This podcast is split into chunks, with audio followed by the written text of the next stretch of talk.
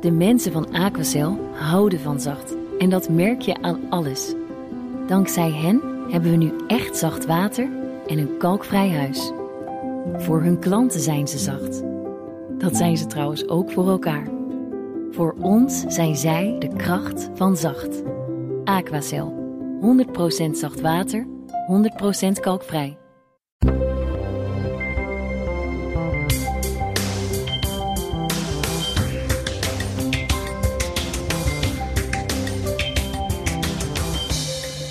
Sommige namen zitten in ons collectieve geheugen. Daar heeft iedereen meteen een beeld bij. Zoals bij die van Marianne Vaatstra. Ik zie haar ook meteen voor me, althans die foto die zoveel gebruikt is in de media, waarop ze lachend in de camera kijkt met dat krullende haar. Marianne Vaatstra werd in 1999 doodgevonden in een weiland in Friesland. Ze was verkracht en vermoord. En pas na 14 jaar werd haar dood opgelost. En wat misschien niet iedereen weet, is dat taal daarin een belangrijke rol, misschien zelfs wel een cruciale rol speelde. Je luistert naar de zevende editie van Woordwaarde. Ik ben Maria Punch. En mijn gast is Annette Klarenbeek, lector crossmediale communicatie in het publieke domein aan de Hogeschool van Utrecht en adviseur van de politie bij de DNA-verwantschapsonderzoeken in de zaken van Marianne Vaatstra en Nicky Verstappen. Welkom Annette. Dankjewel Maria. Ja, fijn dat je hier bent. We gaan zo dadelijk terug in de tijd om uh, te praten over jouw rol en jouw, uh, jouw kennis hè, die, je, die je hebt bij, waarmee je hebt bijgedragen aan die onderzoeken. maar eerst maar even in het hier en nu. Uh, dit is een podcast over taal. En dan lees ik uh, crossmediale communicatie. Ik struikelde er net al even over. Ja. Um, kun je uh, uitleggen wat jouw vakgebied behelst, moet ik zeggen? Ja, zelfs dat crossmediale, daar zijn we alweer een beetje van weg aan te raken. Of we zijn bezig met een nieuwe titel voor onze onderzoeksgroep. En dat zou dan ehm, digitale communicatie moeten zijn. Mm -hmm. Um, maar dat crossmediale, dat verwees zeker destijds in 2012 naar uh, de sterke opkomst van um, uh, media, uh, ook veelal online, hè, de sociale media. Mm -hmm. um, eigenlijk parallel met de zaak Vaatstra kwam dat op. En nou ja, vanuit dit vakgebied communicatie hebben we gezegd van oké, okay, we willen die crossmedialiteit als mm -hmm. uitgangspunt nemen uh, om te kijken naar hoe een dynamiek kan uh, verlopen als het gaat om ja, allerlei communicatie tussen mensen, tussen organisaties en mensen, uh, tussen media en organisaties. Dat, dat is um, heel veel geworden, dat gaat heel ja. snel. Uh, nou, zodoende crossmediaal. Ja, en als we het over het publieke domein hebben, ja. Uh, dat is zo'n beetje alles in de openbaarheid? Of? Ja, daar waar ehm, die ontmoetingen plaatsvinden in ehm, een toegang he, die publiek is. Dus ja, we hebben als samenleving, als maatschappij uh, veel toegang gekregen tot uh, al die uitingen. Ook door die komst van uh, allerlei online mogelijkheden. Het is alleen maar meer en meer geworden. Ja. En dat um, is publiek geworden daarmee ook. Hè. Dus zo claimen wij ook het publieke domein. En um, kun je iets vertellen waar je momenteel aan werkt? Of werk je met studenten op dit moment? Ben je aan het lesgeven? Nee, ik geef uh, relatief weinig uh, les. Um, wel uh, ontwikkeling van onderwijs zijn we op dit moment heel druk mee. We zijn een master aan het opzetten die um, meer betrekking weer heeft op transities. Hè, dus al die grote veranderingen die je op het moment ziet. En daar is communicatie een hele belangrijke in. Ook vanuit, zoals ik net al zei, hè, dat, dat er veel gebeurt on- en offline. Er zijn allerlei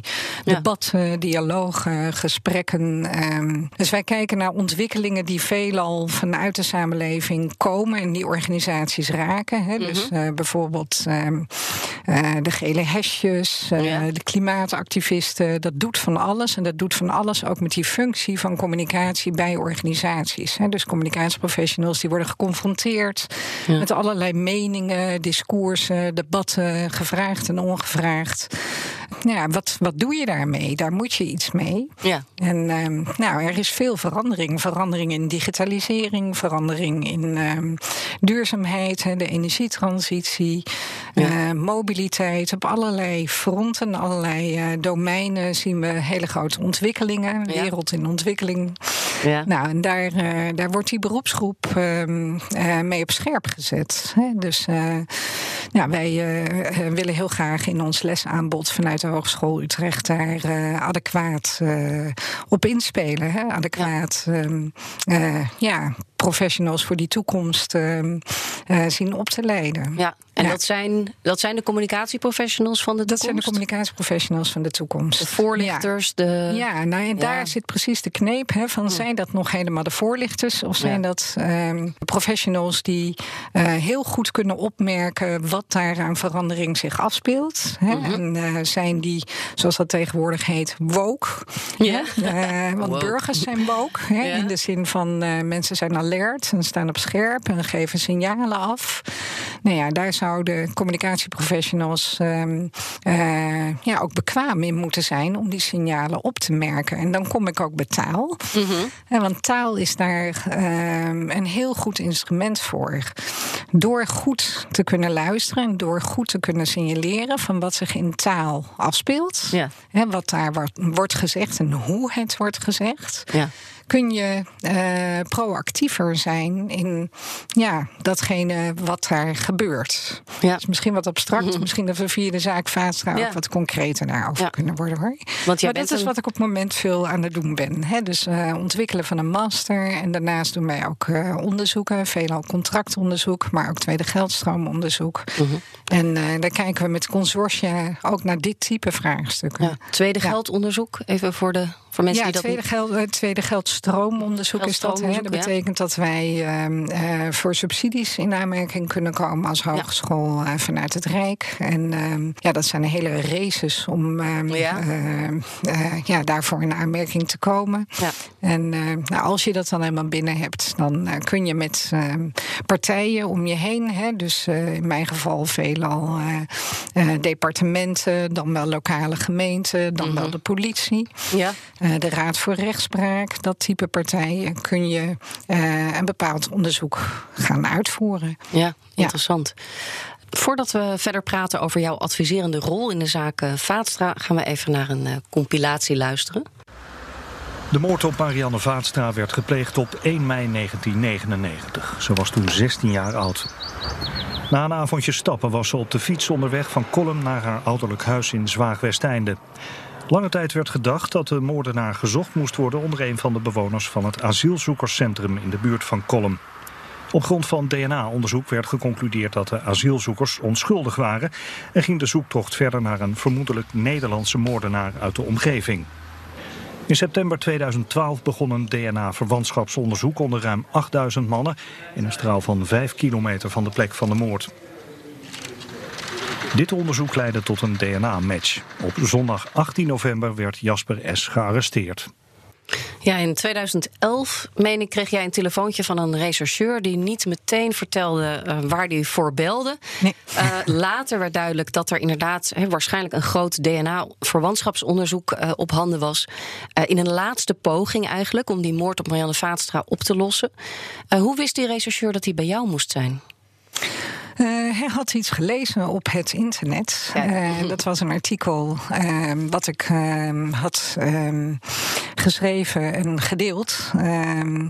en dat ging over het HPV-vaccin en eh, de oproep van het RVM aan eh, meisjes toen van 12 om zich in te enten tegen baarmoederhalskanker. Ja. En die opkomst die was heel erg laag geweest. En ik had in het artikel geschreven dat het zinvol was geweest om eerder naar gesprekken van meisjes te kijken die online plaatsvonden, veelal via huis. En dat kwam omdat mijn eigen dochter ook toen 12 was. Ja. En ik zag uh, dat dat gebeurde, uh, ook om haar heen. Uh, en ik ben ook een beetje gaan kijken op internet en ik zag ja, meisjes die hebben daar al allerlei meningen en uitingen over, hè, schrijven daar van alles over onderling. Van waarom ze wel of niet dat prikje zouden laten doen. Ehm, en ook moeders roerden zich, ook Oh ja? op internet. Ehm, nou ja, ouders online bijvoorbeeld. Hè, dat was een hele belangrijke bron. Ja. Eh, en ik verbaasde mij erover dat het RVM niet eerder al had gekeken naar al die uitingen daar. En Ah. daar gebruik van hadden gemaakt in hun voorlichting over Een deze communicatie campagne. daarop hebben afgestemd. Ja, dus eh, wat zij deden was een oproep. Hè, Mhm. eh, in plaats van bijvoorbeeld een uitnodiging. En er zat een soort veronderstelling in van wij gaan vaccineren, wij sturen hier een oproep de wereld uit. En, En ik zie je dan een land te komen. Ja, ja, en dat viel dus heel erg tegen. Ja, die opkomst was ook eh, laag. Die opkomst was toen heel erg laag. Ja. Ja, Ja. ja. ik meen iets van 40% en 60% niet. En dat was echt nieuw. Hè? Ja. Want eh, dat kenden we nog niet in Nederland als het ging Nee. om vaccinaties. Dus ik had daar iets over geschreven. En die regisseur die is gaan googlen, want het is een regisseur. en die eh, eh, wilde ook iets met internet toen al. En die is kennelijk op dat artikel gestuurd. En die belde mij op, ja. Ja, Ja. Dat was toen nog met wat omtrekkende bewegingen. Maar uiteindelijk kwam er natuurlijk een concreet verzoek. Ja. Wil jij als taalkundige eh, ons helpen in Ja. de communicatie? Ja, dat klopt. Nou ja, zij zaten niet zozeer op dat taalkundige, meer op eh, communicatiekundige. Mhm. Zij zagen, ehm, eh, en terecht, dat eh, de communicatieve kant van deze zaak heel belangrijk zou worden. Mhm. Zij zagen, ja, draagvlak, dat is eigenlijk het sleutelwoord. Hè? Ja, Ehm, dat, dat lukt daar niet bij het RVM. Dat is ook een overheid. Waarom zou dat dan wel bij ons lukken? Ja. Bij iets wat ook wellicht heel lastig kan liggen: DNA-verwantschapsonderzoek. Hè? Ja. Dus ehm, ja, zodoende. ja, want ter achtergrond, dit was ehm, het grootste DNA-verwantschapsonderzoek tot dan toe in Nederland. Ja, nou, het was nog nooit geweest. Het was nog nooit geweest. Nee, nee. Ehm, en er werden geloof ik ruim 8000 mensen uit omliggende dorpen. Ja. eh, ze werden Mannen, uitgenodigd. hè, Mannen, mannen. inderdaad. Eh, nadrukkelijk mannen. Kreeg jij eigenlijk een. Hè, toen je eenmaal aan de slag ging, een hele concrete opdracht? Of wist je waar je moest beginnen? Ehm, nou, een hele concrete opdracht. ehm, eh, wel en niet. Hè? Wel in de zin van eh, we willen dat zoveel mogelijk mannen zo meteen komen. Ja. En daar is communicatie belangrijk voor. Dus eh, creëer draagvlak. Hè? Dat, dat was natuurlijk heel erg concreet. Maar eh, de wijze waarop, die was redelijk onbekend. Ehm, ja, de gedachten waren redelijk traditioneel. Dus er werd eh, gedacht aan, ja, dan moet er een grote voorlichtingscampagne komen, er moet een brochure komen, misschien moeten we wel abris ehm, Ja. eh, met grote posters eh, voorzien, die bijvoorbeeld de slogan hebben: ja, ik doe mee aan het DNA-verwantschapsonderzoek. Dus men dacht een beetje aan verkiezingsachtige campagnes. Vanuit dat type associaties waren erbij, ja. Maar ja, het was ook gewoon lastig ehm, voor de politie, denk ik. Ehm, en justitie om het goed te bedenken. Ja. Eh, dit was nieuw en men was daar zoekende in. Ehm, maar wat men wel goed voor ogen had, was van eh, wij zouden wel eens ehm, als overheid eh, een lastige identiteit hè, kunnen hebben. Ja. Ehm, en ook niet helemaal het eh, vertrouwen, het spreekrecht, hè, zoals we dat dan in communicatietermen noemen, om ehm, deze uitnodiging te doen. Dus misschien is het wel goed als we daar eh, een intermediair voor inschakelen, vragen. En dat is ook gebeurd hè, in de vorm van Peter de Vries. Ja. ja, die Ja. heeft een hele belangrijke rol sowieso gespeeld in de zaak die heeft een eh, uitzending daarover gemaakt op verzoek ook van de politie en justitie. En ehm, ja, dat ehm, eh, werkte heel erg goed, hè, bleek. Ja. Dus dat was een hele belangrijke. Maar verder, ja, hoe, hoe doen we dat nou eh, in die voorlichting? Wat vertellen we wel en niet? Ja. Ja, ja daar was men nog wat zoekende in. Ja. Ja. En hoe ben je begonnen? Hoe ben je te werk gegaan? Nou, ik heb samen met ehm, eh, een collega vanuit de media, Erwin Schievink, eh, gewerkt. Ehm, hij eh, zou zich meer richten op de media. We hebben samen ook een grote strategie ontwikkeld. Ehm, en ik zou dan meer de publiekskant op me nemen. Eh, gaandeweg eh, merkte ik dat daar ja, ook veel aandacht voor was. Hè. De gedachte is al gauw van, oh media, eh, dat gaat zo meteen komen. En wat komt er op ons af? Hè? Ja. Men vermoedde van, dit gaat heel groot worden. Dat was ook zo. Hè. Er kwamen grote persconferenties en er was heel veel aandacht voor. Maar tegelijkertijd uh, zag men gelukkig uh, dat, dat de publieke kant, dus uh, de samenleving zelf en zeker ook de regionale samenleving, heel belangrijk zou zijn. Ja.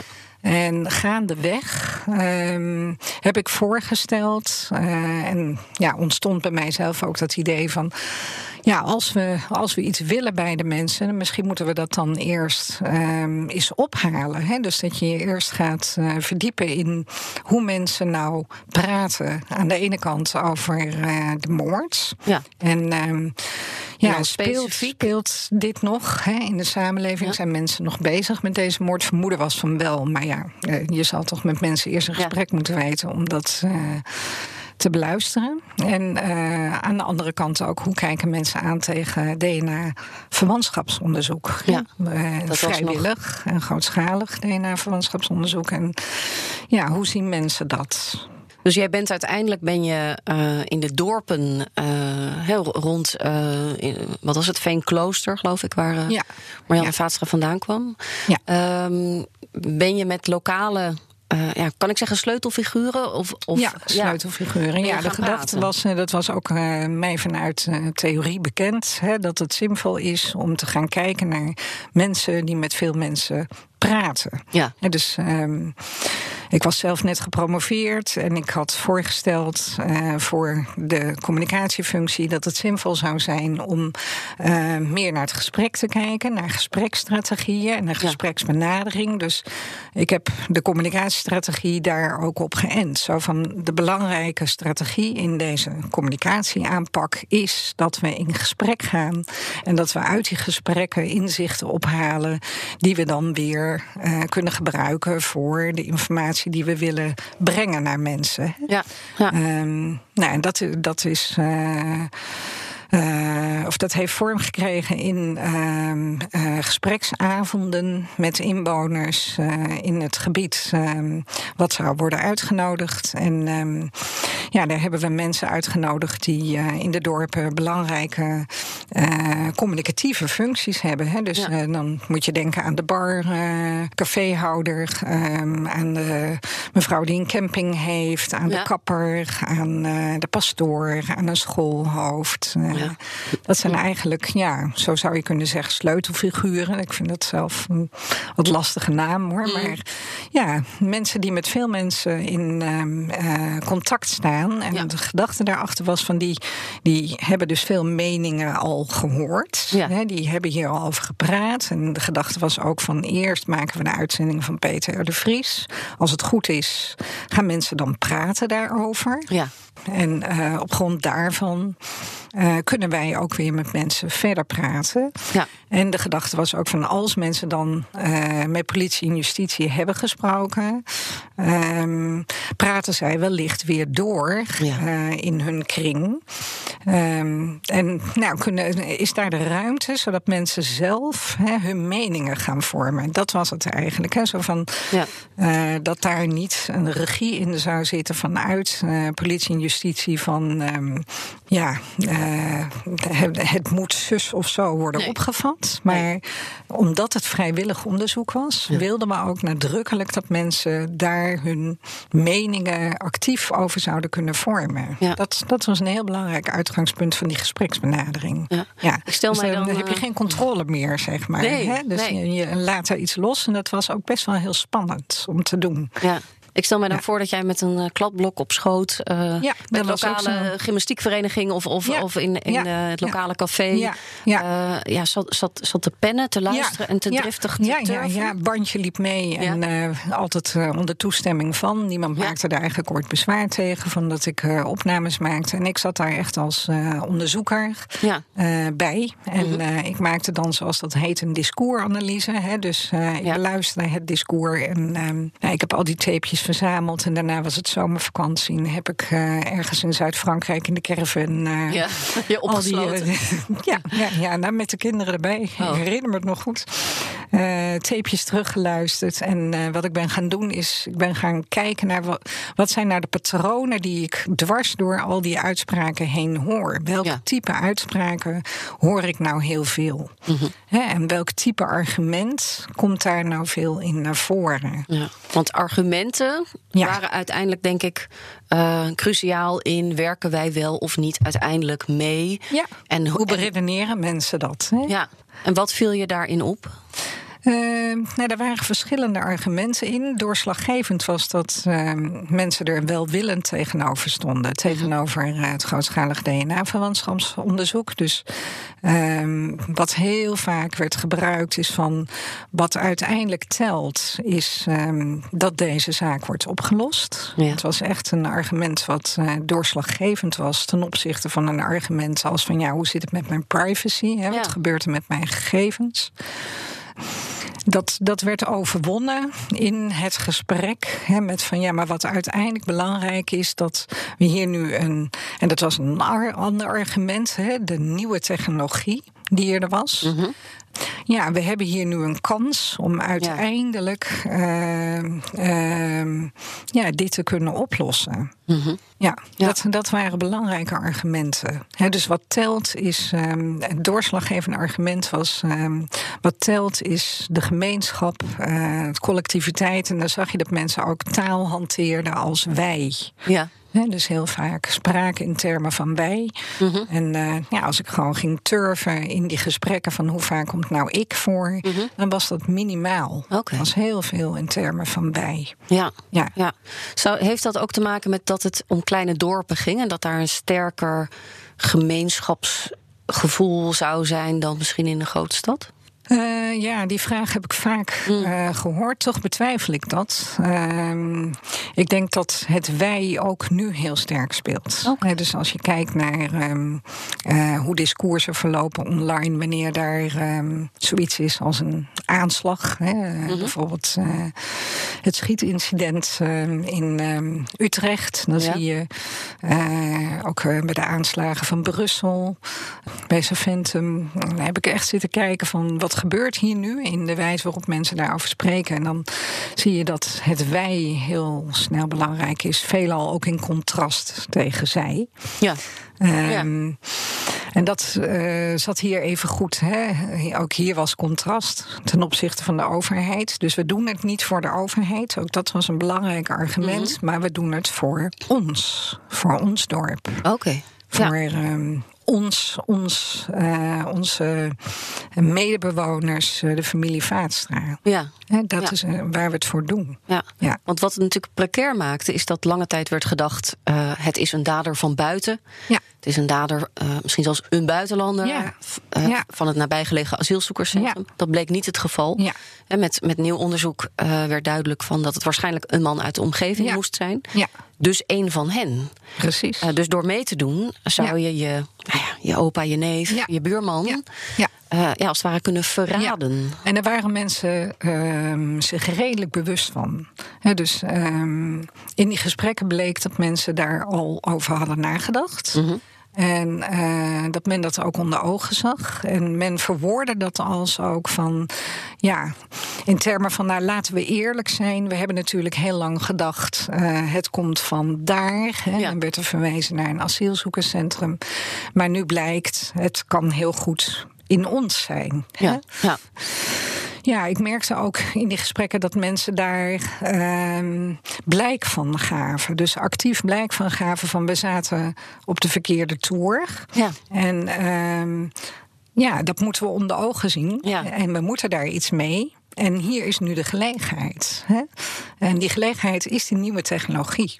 Nou heb jij die informatie opgehaald. Je hebt mij ook wat materiaal gestuurd dat je destijds hebt gebruikt in de communicatie met de bewoners.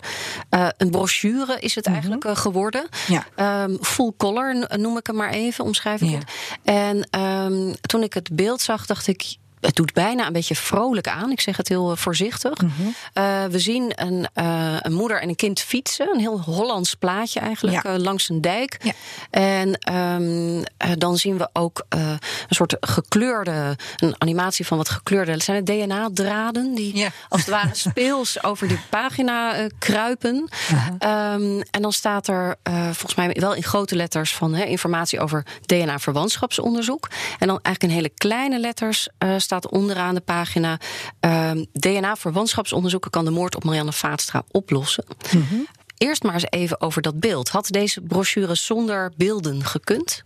Nee, dat denk ik niet. Ehm, om heel eerlijk te zijn, we hadden eerst een ander beeld. We hadden een beeld van ehm, eh, een vader en uh, een zoontje. Mm nou, dat kwam me echt niet door. Dat wekte de suggestie van deze man gaat iets met het oh. kind op dit moment ja, doen. Dat riep al. Um, maar een belangrijk argument ook was om te kiezen voor een vrouw fietsend door een Hollands landschap, een Fries mhm. landschap. Ja. Was dat duidelijk werd in die gesprekken van hey, het is niet een oproep aan mannen, maar het is een oproep eigenlijk aan, ja, aan gezinnen, aan families. Het is mm. DNA-verwantschapsonderzoek. En dat vond ik ook heel opmerkelijk dat, um, uh, zoals mensen het in die gesprekken behandelden, hè, mm-hmm. door de wijze waarop ze erover spraken, van dit is niet uh, het DNA van um, mijn man of van mij als man alleen, maar mm-hmm. dit is een soort collectief DNA wat wij geven. Dat is natuurlijk ook zo. En dat is natuurlijk ook zo. En mensen hadden zich goed geïnformeerd, maar hadden daar ook nog heel veel vragen over. Dus dat konden we heel goed uitleggen in uh, die gesprekken ja, dat DNA iets is wat collectief is en wat door families heen gaat. En dat er allerlei verwantschappen kunnen zijn met mensen waarvan je niet wist uh, dat het zo is. Hè. Een andere achternaam, maar is toch familie. Mm -hmm. uh, dat we gelijke stamvaders uh, uiteindelijk hebben. Dus dat is een heel interessant aspect erbij. Wat ook het legitiem maakt om te zeggen van oké, okay, we kiezen in het beeld, kiezen we, en dat is ook verder in die brochure gebruikt, hè, het aspect van familie. En ehm, ook vrouwen Mm ja, bleken ook in die gesprekken dat het heel vaak ook moeders waren die aangaven van ja, ik wil heel graag dat we hier aan meewerken. Ja. Uh, want ja, ik uh, heb ook een dochter of een zoon die uitgaat. Mm Of dat gaat nog komen. Of ik heb het meegemaakt, die fase. En um, ja, daar zat ook de actualiteit voor mensen nog rondom deze moord. Hè, van dat het um, iets is wat, wat heel erg ingrijpt op veiligheid. Hè, van ja. die dader die, die kon er gewoon nog zijn. En uh, die, kon, die kon nog steeds toeslaan. En dat zat heel diep. En, uh, dus het, het was een zaak die. Uh, ik was gebriefd van Annette. Uh, er moeten 8080 mannen zo meteen komen. Hè? Ja. En, ik ben nog door het gebied gereden met regisseurs die dan tegen mij zeiden: van nou ja, iedere man die je nu tussen de 16 en 60, meen ik, ja. Ehm, ziet lopen, die, die moet zo meteen komen. Ja. Ehm, nou, dat beeld dat kantelde helemaal aan die gesprekken. Zo van ja, maar dat, dat is eigenlijk helemaal niet de ingang. De ingang zit hem gewoon even goed bij vrouwen. Ja. ja het is veel, veel groter. Ja. En uh, nou, vandaar dus moeders uh, ook meegenomen ook, ja. uh, op de fiets. Ja. Maar ook in um, wat ik dan maar even noem van kleine wolkjes met een, bijvoorbeeld een quote erin. Hè, dus dan ja. een uitspraak van. Um, uh, we doen dit, ja. uh, we moeten dit doen, ja. moeten, maar we doen dit bijvoorbeeld voor de gemeenschap. Of... Ja, die afwegingen die mensen maakten in die gesprekken, die hebben we letterlijk gebruikt. Mm -hmm. Ook weer in, uh, met toestemmingen. Ja.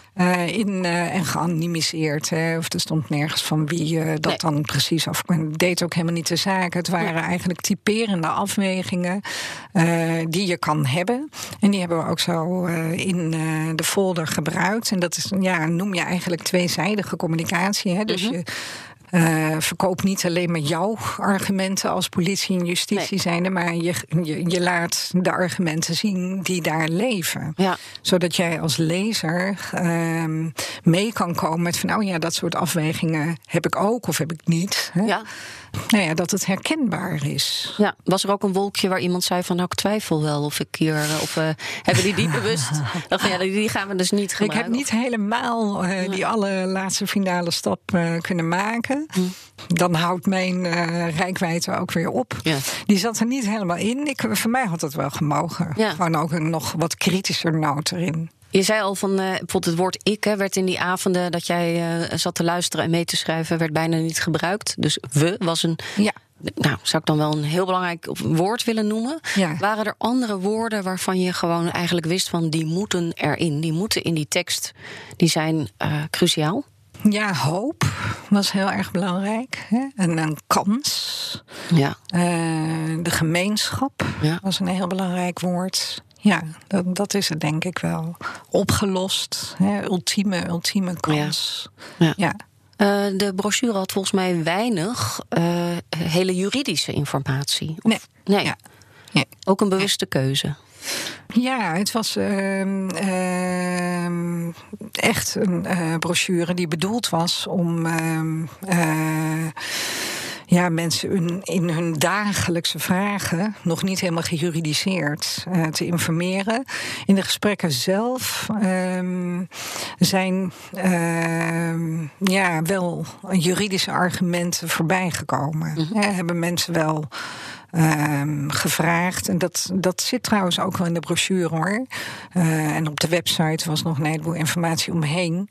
Um, ja, waarin is aangegeven van wat gebeurt er nou precies met je gegevens. Hè? Een heel belangrijk argument was uh, dat onmiddellijk na de afname alles vernietigd zou worden. En dat Ja. is ook gebeurd. En Ja. uh, daar zijn ook beelden van gemaakt van die vernietiging om Ja. dat uh, te bewijzen. Hè? Ja. Om dat maar zo transparant mogelijk te maken. Ja.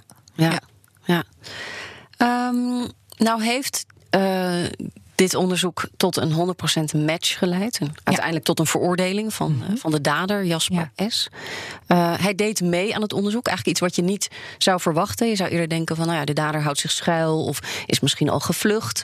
Ehm, maar goed... eh, er, er was ook een soort van druk van ja, als ik nu niet meega, valt dat op in een dorp. Dus hij ging met een aantal vrienden mee om wangslijm af te, af te staan. Ehm, hoe hoorde jij van de match? Ik werd ehm, vroeg in de ochtend gebeld, om een uur of acht. En ehm, eh, ja, dat was al getwitterd hè, door Peter R. de Vries. Ja. En dat ging een beetje voor de troepen uit. Eh, ook eh, voor politie en justitie uit. Ehm, nou ja, in ieder geval, ik werd om een uur of acht gebeld. dat het heel hard ging. En dat we die avond nog in de dorpen zelf op bezoek zouden gaan. Om ehm, dit eh, te delen. Ja, was je dus, daarbij? eh, daar was ik bij. Ja. Ja. Ja, hoe was dat? dat? was eh, zeer indrukwekkend. Eh, ehm, eigenlijk datgene wat ik ook zag in die gespreksavonden, dat mensen ja, zo betrokken waren hè, bij datgene wat daar zich aan ja, gruwelijke feiten heeft afgespeeld. Mhm. Ehm, die betrokkenheid die was er eh, weer. Dus de opkomsten waren heel erg groot in eh, de dorpshuizen waar we naartoe zijn gereden. Ehm, en we zijn naar het dorp, het geboortedorp van Marianne Zwaagwesteinde gegaan. En we zijn naar het dorp waar ehm, Jasper S. eh, woont, woonde. Mhm. eh, naartoe geweest. En eh, ja, mensen stonden eh, ver tot eh, op het plein, zeg maar. En er waren grote tv-schermen buiten het zaaltje. Om, ehm, nou ja, daar hing men aan de lippen van eh, de teamleider van de recherche en aan de zaakofficier om eh, alles direct te horen. En wat ik heel opmerkelijk vond, was dat mensen aangaven van. Ja, dat, dat ze het gewoon heel erg vonden. Ook weer voor de familie van eh, Jasper S. Ja, want het was een, eh, een ja, buurman. Datzelfde collectief Ja. kwam eigenlijk terug. Ja. Dus ja, Ehm, nou, is de ondertitel van deze podcast is Taal maakt het verschil. Daar ben ik dan steeds naar op zoek. Hè, van wat is de kracht van taal en tot hoever helpt taal ons en waar laat taal ons misschien wel in de steek? Heb jij het gevoel dat in dit onderzoek dat taal het verschil heeft gemaakt? Eh, ja, dat is natuurlijk altijd heel lastig eh, om zoiets eh, te zeggen of te onderzoeken. Ik denk wel dat ehm, door ehm, zoveel mogelijk ehm, eh, aan te sluiten bij de taal die mensen zelf al gebruikten, hè, bijvoorbeeld in die brochure. En ook in de toelichtingen die er verder zijn geweest, hè, want de regisseur was erbij hè, bij de gesprekken, dat dat maakte dat ehm, ja, daar ehm, een tone of voice werd gebruikt die aansloot. hè, mhm. en mhm. Ehm, ja, ik denk wel dat uh, één woord wat uh, verkeerd valt enorm mm kan verwijderen. Hè? Ja. Dat, uh, uh, zien we toch ook heel vaak weer hè, bij uh, allerlei nieuwsfeiten. Dat, dat men valt over bepaald taal, taalgebruik wat uh, verwijdert. Hè. Een aardbevingje. Ja. Minister die het over een aardbevingje heeft. Dan, dan ben je mensen heel gauw kwijt. Ja. Dus um, daar kan het uh, heel cruciaal in zijn. En uh, denk ik dat daar heel vaak ook kansen zijn voor die communicatie. Mm -hmm. Tegelijkertijd zeggende dat het heel vaak lastig is voor communicatieprofessionals om bestuurders naar voldoende hè, van uh, te informeren en vice versa ook wel. Um, Waarom is dat lastig? Nou ja, uh, in, in de heat uh, of the moment kan het lastig zijn om aan iemand te zeggen: hè, uh, mm-hmm. joh, steek het zo in. Of, um, en het is altijd in de dynamiek van. Ja. En, um, ja. er is altijd druk op de ketel, ja, ja, soms gigantisch. Dus dat is ook gewoon heel erg moeilijk. Maar daar waar tijd is, en in dit geval was er tijd, hè, we hadden tijd, we zijn vroeg begonnen met de voorbereidingen, dan kan je die tijd benutten. En de neiging is dan om achter het bureau te gaan zitten ontwerpen. En uh, oké, hoe gaan we het brengen? Met een paar creatieven is goed na te denken over een slogan. En, ja. Uh, uh, diezelfde tijd kan je benutten om uh, je te gaan informeren. En dan ja, zou je kunnen zeggen, dan liggen de cadeautjes veelal voor het oprapen. Hè. Het feit dat mensen spraken in mhm. termen van ouderschap. Hè. Als moeder ben ik mhm. betrokken bij deze zaak, of als vader ben ik betrokken bij deze zaak. Um, die kan je zo hanteren in jouw uh, uitingen die je zelf weer brengt als ja. organisatie. Ja, dat is uh, dan weer tijdswinst. Ja. En uh, zeker nu, uh, met al datgene wat zich online afspeelt. Ehm, en het is vaak niet fijn om te lezen. Hè. Er zijn nee. veelal uitingen waarvan je ja, toch denkt, jeetje, moet dat zo gezegd? Maar toch heel vaak, doordat iets op een bepaalde manier wordt gezegd, kan je ook zien dat het kennelijk een issue is. Hè, dat hier spanning op zit. Omdat het wordt gezegd? Omdat het zo wordt gezegd. Heeft het ja, betekenis? Heeft het betekenis ja. ja. En dat die uh, ja, toch soms wat holle kreet van he, de dialoog aangaan, uh, zeker door politici ja. of misschien overheidsinstanties nog alles wordt gebruikt, dat die dus wel eigenlijk gewoon wel heel belangrijk is, maar om het dan ook dus echt te doen. Dat gesprek aan te gaan, ja. te voeren en te luisteren en informatie op te halen. Ja, ja, het is razend moeilijk hè, om je in het standpunt van een ander te verplaatsen. Maar ja, ik denk toch uh, dat dit de enige route is. Om, uh, wat je uiteindelijk wil, uh, in ieder geval vanuit communicatie, is dat je contact maakt. Ja, dat gaat toch alleen maar als je uh, enig begrip kan hebben voor uh, het standpunt van die ander. En taal is daar gewoon uh, een belangrijke handreiking in. Niet de enige, maar wel een hele belangrijke. Ja. ja. Annette Klarenbeek, dank je wel voor dit gesprek. Uh, ik hoop dat jij met plezier hebt geluisterd. Zo ja, wil je dan deze aflevering delen op Twitter bijvoorbeeld? Als je dan ook nog de hashtag woordwaarde gebruikt, dan ben ik helemaal gelukkig. En wil je meer afleveringen luisteren over de kracht van taal? Dan vind je de andere interviews in deze serie op bnr.nl of in de BNR-app.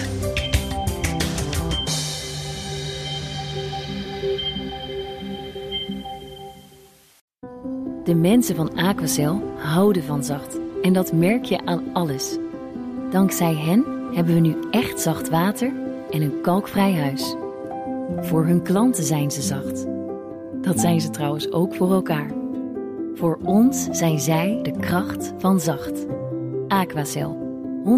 100% zacht water, 100% kalkvrij.